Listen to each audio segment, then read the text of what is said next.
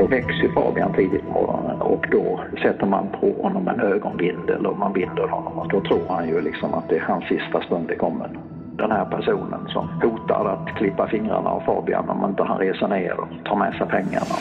Begreppet Stockholmssyndromet myntades efter Norrmalmstorgsdramat 1973. Det var den 23 augusti det året som Janne Olsson klev in på Kreditbanken på Norrmalmstorg, tog fyra personer som gisslan och låste in sig i bankvalvet med dem.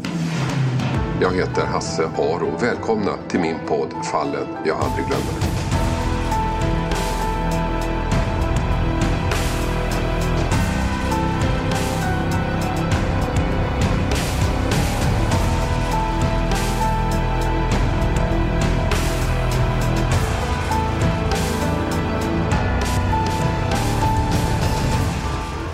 Han krävde att hans kompis, den kände brottslingen Clark Olofsson som satt i fängelse, skulle släppas fri och föras till banken och så blev det.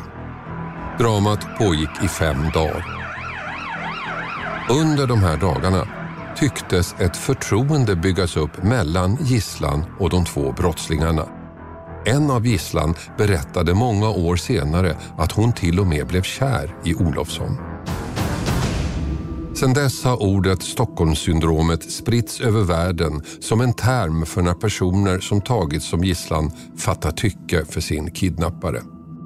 Ett annat känt exempel är den amerikanska miljonärsdottern Patty Hearst som kidnappades av en revolutionär terroristorganisation i Kalifornien 1974. Det slutade med att hon anslöt sig till organisationen och genomförde bankrån tillsammans med de andra medlemmarna. Men den historia jag ska berätta nu handlar om det motsatta.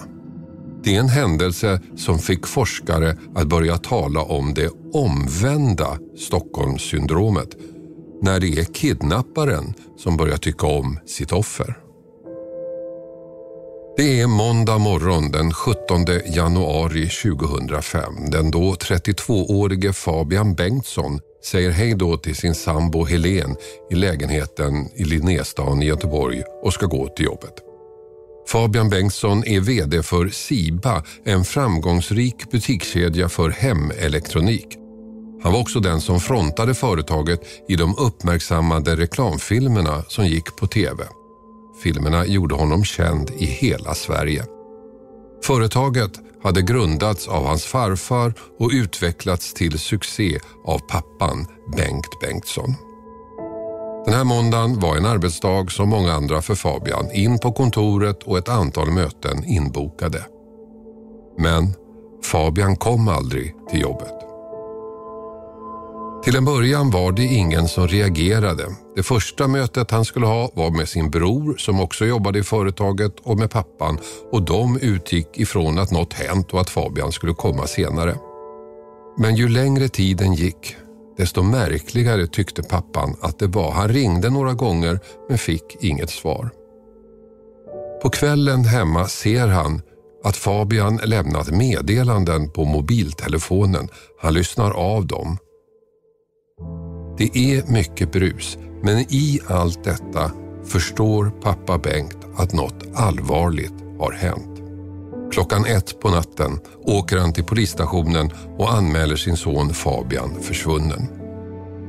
En anmälan som togs på största allvar från början. Redan när anmälan gjordes beslutade den jourhavande kommissarien att gå ut med ett rikslarm till polisen i hela landet.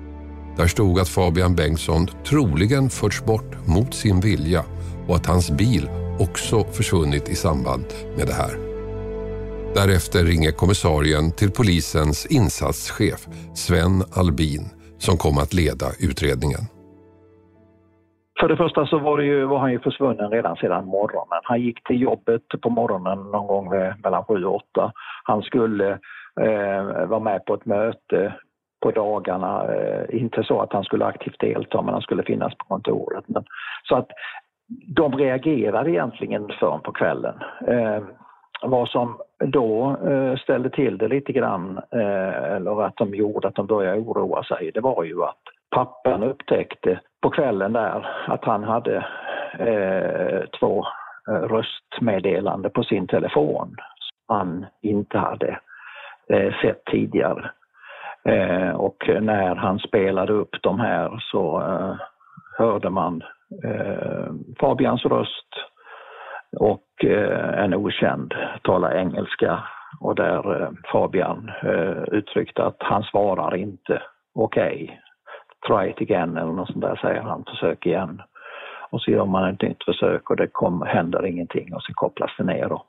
Och, och de här eh, röstmeddelarna så, så är, låter eh, Fabian skakad, eh, rädd alltså. Så det var väl egentligen det som gjorde att vi tog det på allvar från början. På telefonsvararen hörs alltså Fabian prata engelska med någon He doesn't answer. Why? svarar den andra. Två gånger ringer han upp pappans telefon och båda gångerna lämnas en liknande inspelning på telefonsvararen. Trots att den är brusig, trots att Fabian inte talar direkt i mikrofonen så är det en sak både familjen och polisen hör tydligt. Fabian är oerhört stressad. Och frågan alla ställer sig är, vem är mannen i bakgrunden? Ingen visste naturligtvis med säkerhet vad som hade hänt men redan på utredningens första dag, tisdagen den 18, var kidnappning ett huvudalternativ. Kanske det troligaste. De inspelade telefonmeddelandena talade för det. Problemet var att de här två meddelandena var det enda polisen hade. Inga andra spår, inga iakttagelser, ingenting. Ett annat problem för polisen var att informationen om att Fabian Bengtsson försvunnit och misstänktes vara kidnappad började läcka ut ur polishuset i Göteborg. Så tidigare än vad man egentligen hade tänkt, redan på tisdagskvällen, gick polisen ut med ett pressmeddelande där man bekräftade att Fabian Bengtsson var försvunnen. Sven Albin var tveksam till det här och ifrågasatte vilken nytta det kunde få det var ju en normal procedur egentligen och det, det skedde liksom i kriminaljourens eh, ordinarie verksamhet. Och det hade gått ut redan när jag blev informerad så att säga. Mm. Men det, det gjorde att ni fick en del tips i alla fall? Ja, vi fick en del tips men framförallt så läckte den ju ut till media. Eh, vilket inte var så bra då eftersom allting blev ju så offentligt från början och vi fick eh, hela media-grejen eh, också som lök på laxen. Mm. Såg du någon risk med det om det nu var ett kidnappningsärende ni hade? Nej, inte, inte, ingen risk för Fabian i det avseendet, mer än en detalj för oss att inte kunna eh, jobba i fred så att säga, på det viset. Trots tveksamheten så gav pressmeddelandet ett väldigt intressant tips, nämligen var Fabian Bengtssons bil stod någonstans. Och vid bilen hade en person synts till som tagit ut pengar från en bankomat. Två tips som kunde ha varit mycket viktiga, men som inte blev det. Ja, det gav egentligen ingenting i det läget. Vi eh, tog in bilden för teknisk undersökning och, och, eh, men eh, vi fick ju inga egentligen ledtrådar förrän att vi så småningom kunde förstå att den hade placerat där på grund av att en av gärningsmännen bodde i närheten. Mm. Eh, men ni fick också vittnen om att någon hade sett personer vid bilen där? Ja, det hade setts personer vid bilen men, men ingen, eh, och det, det var då man hade sett en yngre kille där. Mm. Men ingenting som vi tyvärr ledde fram till någon konkret kunskap. Det gick två dagar efter försvinnandet och ingenting hände. Egentligen visste polisen ingenting om vad som hade hänt. Man hade sin huvudteori, kidnappning, men helt säkert var det ju inte. Man behövde hjälp. Så på kvällen hölls en presskonferens. Vi gick ut med, med, detaljerna om eh, vad som hade hänt och att vi behövde, eh, vi behövde information och eh, hjälp med, att, eh, med iakttagelser kring den här händelsen. Då. Mm, men ni sa inte så mycket egentligen? Det var nästan så att pressen reagerade på att ni var så fåordiga? Ja, det var ju som sagt ett eh, dilemma eh, för oss att vi, vi hade ingenting att säga egentligen och det, det lilla vi hade det ville vi hålla för oss själva. Mm. Eh, just det, det här brottet är ju väldigt speciellt på det viset att, att vårt stora mål eller vårt beslut i stort som eh, eh, kommenderingschefen Claes Friberg formulerade var ju att eh, prio ett var ju att hitta Fabian i livet. Det viktigaste målet var alltså att hitta Fabian Bengtsson vid liv. Det gick före allt. Men problemet var ju att ingen visste vad som hänt. Kanske han inte alls levde längre. Nästa dag, torsdagen den 20 januari, på fallets fjärde dag, kommer då det Sven Albin, alla utredare och familjen väntat på. Ett meddelande från kidnapparna. Två brev som Fabian Bengtsson själv skrivit. Ett adresserat till hans sambo, ett till hans pappa. I breven skriver han att han är kidnappad, att han mår bra och så redogör han för kidnapparnas villkor. 5 miljoner svenska kronor och 5 miljoner euro. Och för att bekräfta att lösensumman godtas ska familjen sätta in en annons i Göteborgs-Posten. En annons om en BMW M3 till salu. För utredningen blev det nu ett annat och klarare läge. Nu visste man att Fabian Bengtsson levde, nu visste man att han var kidnappad. Nu drogs utredningen igång på allvar. Från början så var detta eh, en händelse som vi aldrig hade varit med om tidigare. Vi plockade ner folk från Stockholm som hade jobbat med Erik Westerberg-kidnappningen och lärde oss av dem och tog alltså deras kunskap och råd. Och eh, vår alltså målsättning var att vi följde med eh, så att säga och gjorde som kidnapparna sa eh, efterhand här för att eh, skaffa oss kunskap helt enkelt. Under tiden så pågick det, startade vi upp en, en, eh, en insats där vi planerade för eh, eventuella utlämningar och överlämningar och sånt där med olika former av bearbetade tips och annat. Och det var ju ett stort flöde på information som tyvärr inte hade någon bäring på någonting egentligen.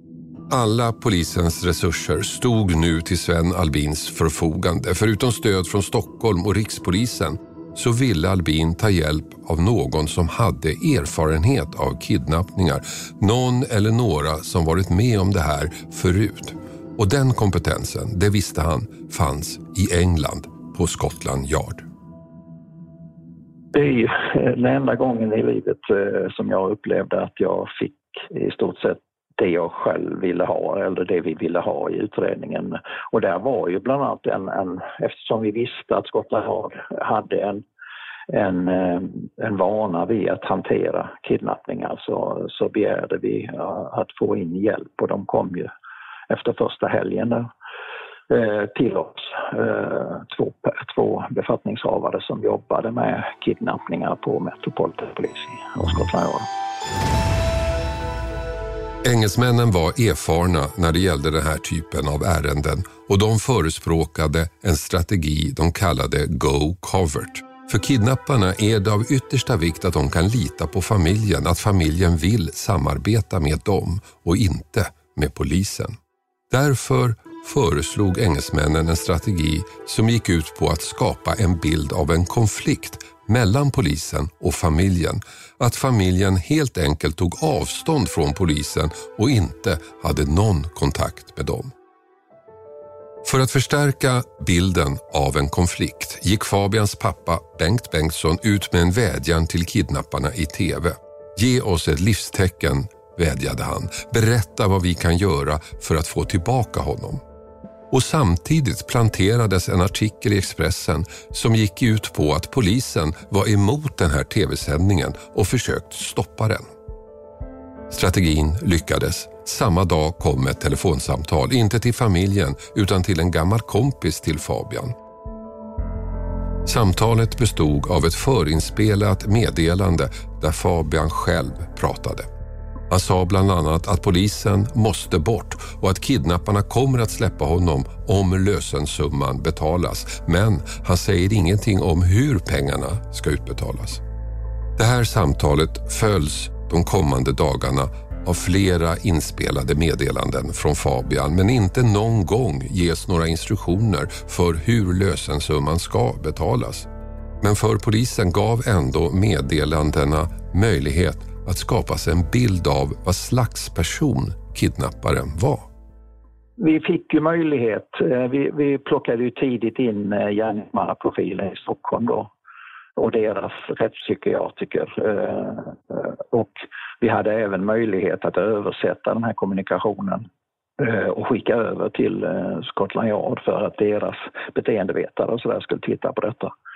Eh, och eh, vi fick väl en bild av en person som inte, eh, som de inte upplevde som särskilt farlig inte kapabel att mörda och så där vidare. Det var sådana uttryck att det, han var ganska, han uttryckte sig på ett sätt så att de bedömde inte att han var särskilt farlig i, sin, i den kommunikationen i alla fall. Och inte bara drog experterna slutsatsen att kidnapparen med all sannolikhet inte var kapabel till att döda. Det framgick också att kidnapparen faktiskt fattat tycke för Fabian Bengtsson, att han gillade honom det omvända Stockholmssyndromet. Det förstod vi att det hade gjort då, eh, eller i alla fall det, det gav sken av det åtminstone. Så att eh, det, det hade vi ju att förhålla oss till också. Samtidigt, ju längre tiden led, ju mer information och samtal vi fick. Han kommunicerade med Göteborgstidningen också, mm. Eh, skickade brev till dem och, och så där vidare. Så det framstod ju mer och mer en person som hade väldigt svårt att våga, alltså att inte våga ta det sista steget. Eh, att genomföra en, en, en utlämning han var ju eh, paniskt, eh, han såg ju polis och sirener, han skrev om att det var poliser på utryckningar och så där vidare och han varnade oss för att komma för nära och så där vidare. Det, det var, men det andades hela tiden en otrolig oro och försiktighet att och, och det, han vågade ju liksom inte genomföra det slutligen. Lördagen den 29 januari hade Fabian Bengtsson varit borta i 12 dagar. Familjen hade fått flera telefonmeddelanden inspelade av Fabian men aldrig några instruktioner för utbetalningar. Och den här dagen skulle allting förändras. Fabians pappa Bengt får nu ännu ett inspelat samtal men den här gången orkar han inte längre. Frustrationen över att inte få några instruktioner blev för mycket. Han tappade tålamodet och började skrika i telefonen. Jag kan inte ta de här jävla inspelade samtalen längre, skriker han. Jag måste få tala med er. Hör ni vad jag säger? Och där bryts telefonsamtalet. Och sen blir det tyst. Hela lördagen. Och hela söndagen. Och hela måndagen. Och den här tystnaden oroade förstås polisen vad hade hänt? Bengt får ett samtal, det sista samtalet egentligen som, som i, i den här serien av inspelade som Fabian talar in. Och där tappar ju eh, pappa koncepterna och, och, skriker i luren eh, hela tiden. Jag klarar inte av det här, ni måste låta mig prata med Fabian och det här går inte och, och, och så där vidare. Och det, där bröts ju en kontakt eh, som sen inte återupptogs. Och i det läget blev vi väldigt oroliga för vad som hade hänt. För den här, den här personen, den här kontakten, kontaktvägen försvann ju för oss under ett par dagar. Men så, på tisdag morgon den 1 februari kommer det ett samtal.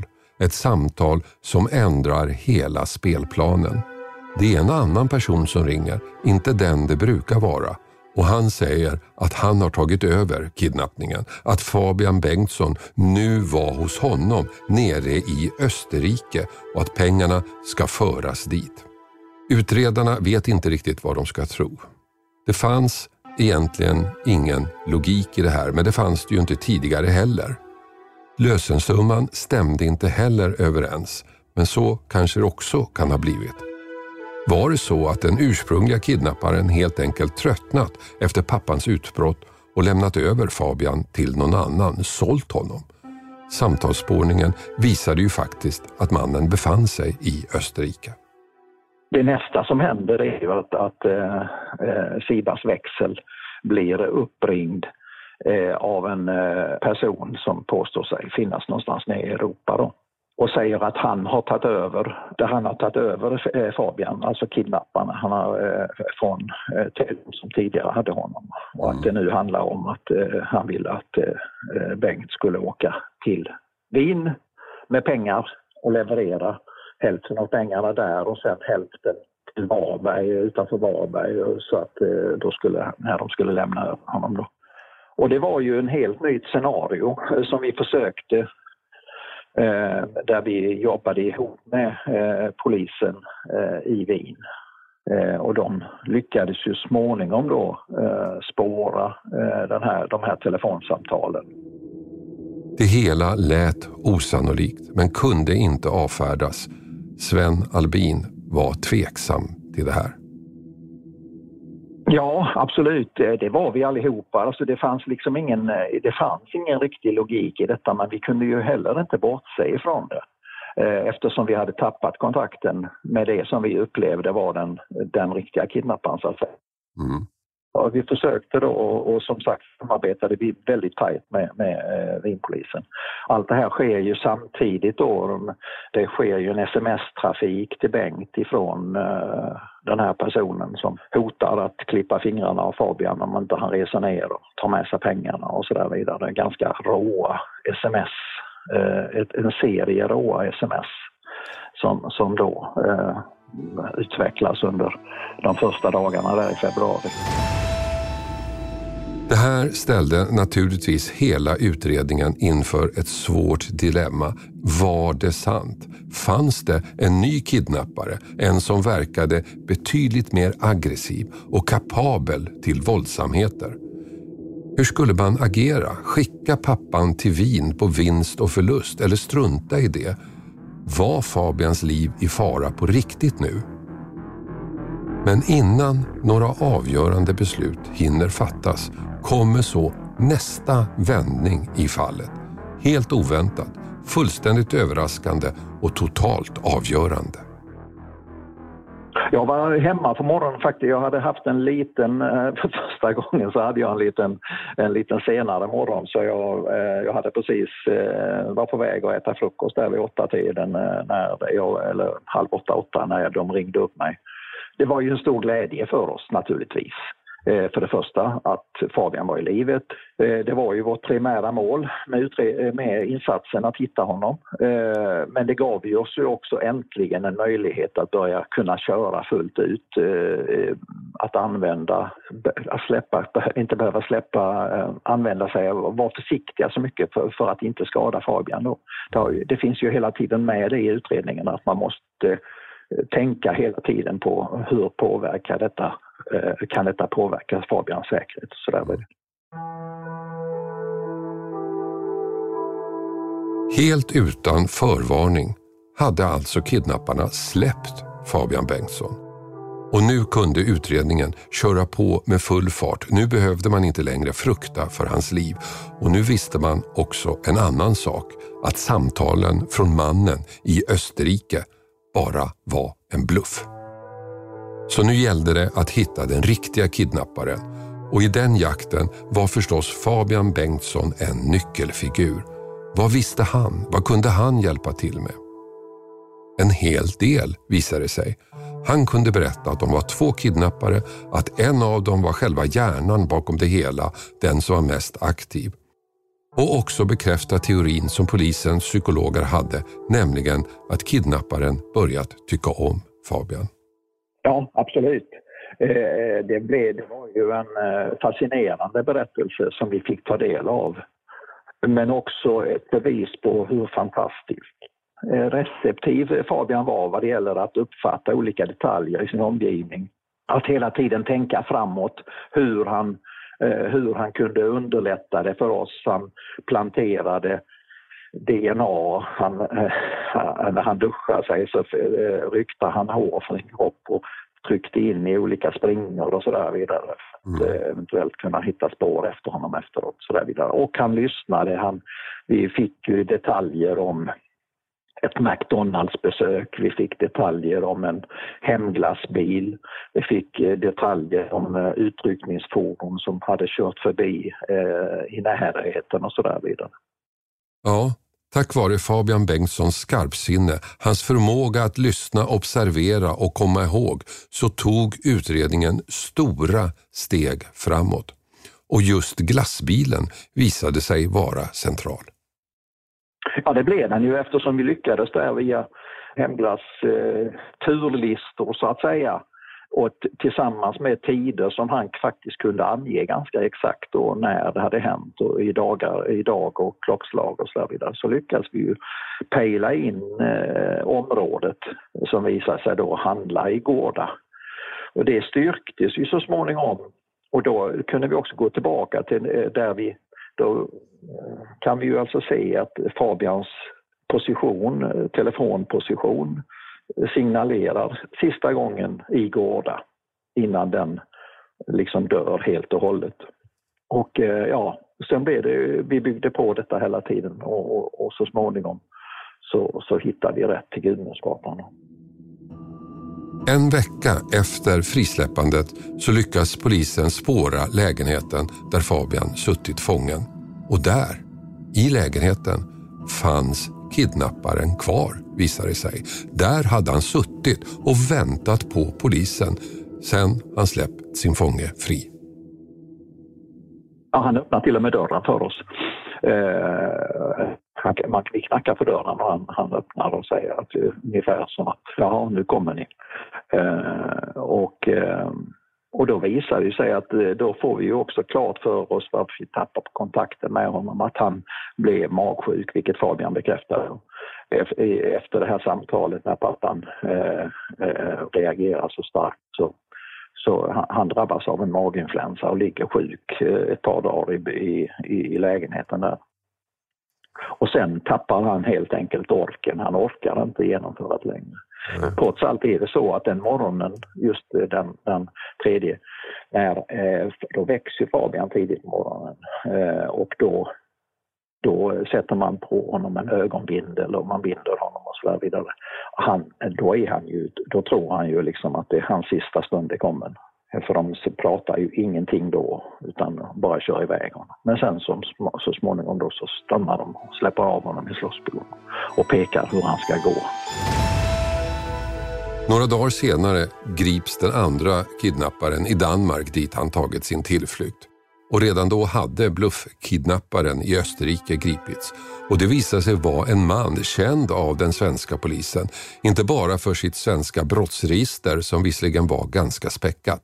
Nej, för att han vid sidan om sin kriminella karriär samarbetade med polisen i Göteborg. Han var helt enkelt en av deras informatörer som nu sett sin chans att tjäna lite extra pengar och haft sån tur att den riktiga kidnapparen blivit magsjuk och därför inte kunnat höra av sig. För det första tycker jag att eh, på det sättet som familjen drabbades av den gärningsmannen var ju på något sätt vis värre än det som eh, just ur, eh, att det framställdes ju mycket, det var ju mycket råare kontakter med hot på ett helt annat sätt än det har varit i de andra mejlen mm. eller breven. Och det innebar ju att det, var, det blev en ännu större press på familjen. Och eh, sen tyvärr, man får ju lära sig av det också och, och, och det, vi har ju, man har ju funderat mycket på det där eftersom det var en, en så att säga en person vi hade använt som, som källa då, eh, i olika sammanhang tidigare. Eh, då. Och, och, det gjorde ju naturligtvis att det, det, då får man ju fundera över är det sånt som kan vi förebygga det i framtiden på något sätt, att man drabbas av det då. Kidnappningen av Fabian Bengtsson varade i 17 dagar innan förövaren plötsligt släppte honom. Förmodligen för att han börjat gilla sitt offer, ett omvänt Stockholmssyndrom. För Sven Albin blev det här fallet det absolut mest uppmärksammade i hans karriär. Ja, jag tänker det, det är en av de absolut tuffaste perioderna i mitt eh, polisliv, alltså just de här 17 dagarna. Det var ju mycket i den, hur det normala polisarbetet ställdes på ända. Att det blev, så, det blev en jätteomfattning av det hela med tanke på alla Eh, eventuella eh, olika scenarion som, som vi var tvungna att jobba med i olika delar och så där. Så att eh, det, det, det blev en kolossal apparat. Det blev ju eh, otroligt mycket mediakontakter. Eh, vi fick eh, vi fick media med oss, vi fick media emot oss i olika sammanhang. De var arga på oss eh, och de, de bevakar ju eh, utfarterna från polishuset eh, dygnet runt i stort sett. De ringde upp mig på nätterna för att kolla om jag var hemma eller om jag var på jobbet och så. Alltså att det, ja, det var en väldigt speciell period som jag inte har upplevt varken förr eller senare. Kidnappningar är ju inte ett väldigt vanligt brott men det är heller inte jätteovanligt, särskilt inte om man tittar världen över och inte sällan slutar det ju med att, att det är, ibland är det politiska motiv, ibland ekonomiska motiv men inte sällan slutar det med att offret faktiskt mördas. Ja, fast om man tittar, eh, för det var ju en del av lärdomen, även Skottland Scotland Yard-killarna hade ju inte eh, jobbat med den här typen, alltså det man kallar för stranger kidnaps i någon större utsträckning. Man, de allra flesta kidnappningar som sker världen över är så kallade bad-on-bad kidnappningar där, där kriminella, eh, olika kriminella fraktioner kidnappar varandra för att eh, i någon form påverka eh, den situationen de emellan. Den här typen av kidnappningar eh, är ju förutom att, att eh, det är många som har i olika eh, hänseenden har, blivit, har, har dött då, eh, offren har dött, så är det ju ändå ett, för ut ur ett gärningsmannaperspektiv ett oerhört svårt brott att genomföra fullt ut. Mm. Var, du eh. oro, var du orolig för att ni skulle misslyckas i det avseendet att, att uh, Fabian Bengtsson skulle ha dött? Ja, men visst var det det. Det var en, det var en press hela tiden. Alltså, man vet ju aldrig, även om, även om eh, de beteendeforskarna så där gav oss ganska lugnande eh, besked avseende i, eh, med deras profil av gärningsmannen och så där vidare så kunde man ju aldrig veta säkert. Och, och eh, som sagt, det, det var en, en jäkla press på hela organisationen kan man säga. Den 15 juli 2005 kom domarna. Den ena kidnapparen fick 10 års fängelse, den andra 6 år. Båda dömdes också till livstidsutvisning. Bluffkidnapparen och polisinformatören dömdes till två år för försök till utpressning. Samtliga tre lämnade Sverige efter avtjänat straff.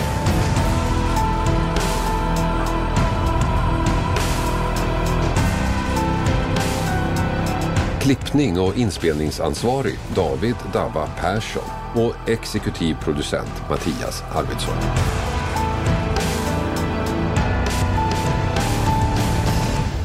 Produceras av I Like Radio. I like radio. Poddtips från Podplay. I podden Något Kaiko garanterar östgötarna Brutti och jag, Davva, dig en stor dos skratt. Där följer jag pladask för köttätandet igen. Man är lite som en jävla vampyr. Man har fått lite blodsmak och då måste man ha mer. Udda spaningar, fängslande anekdoter och en och annan arg rant.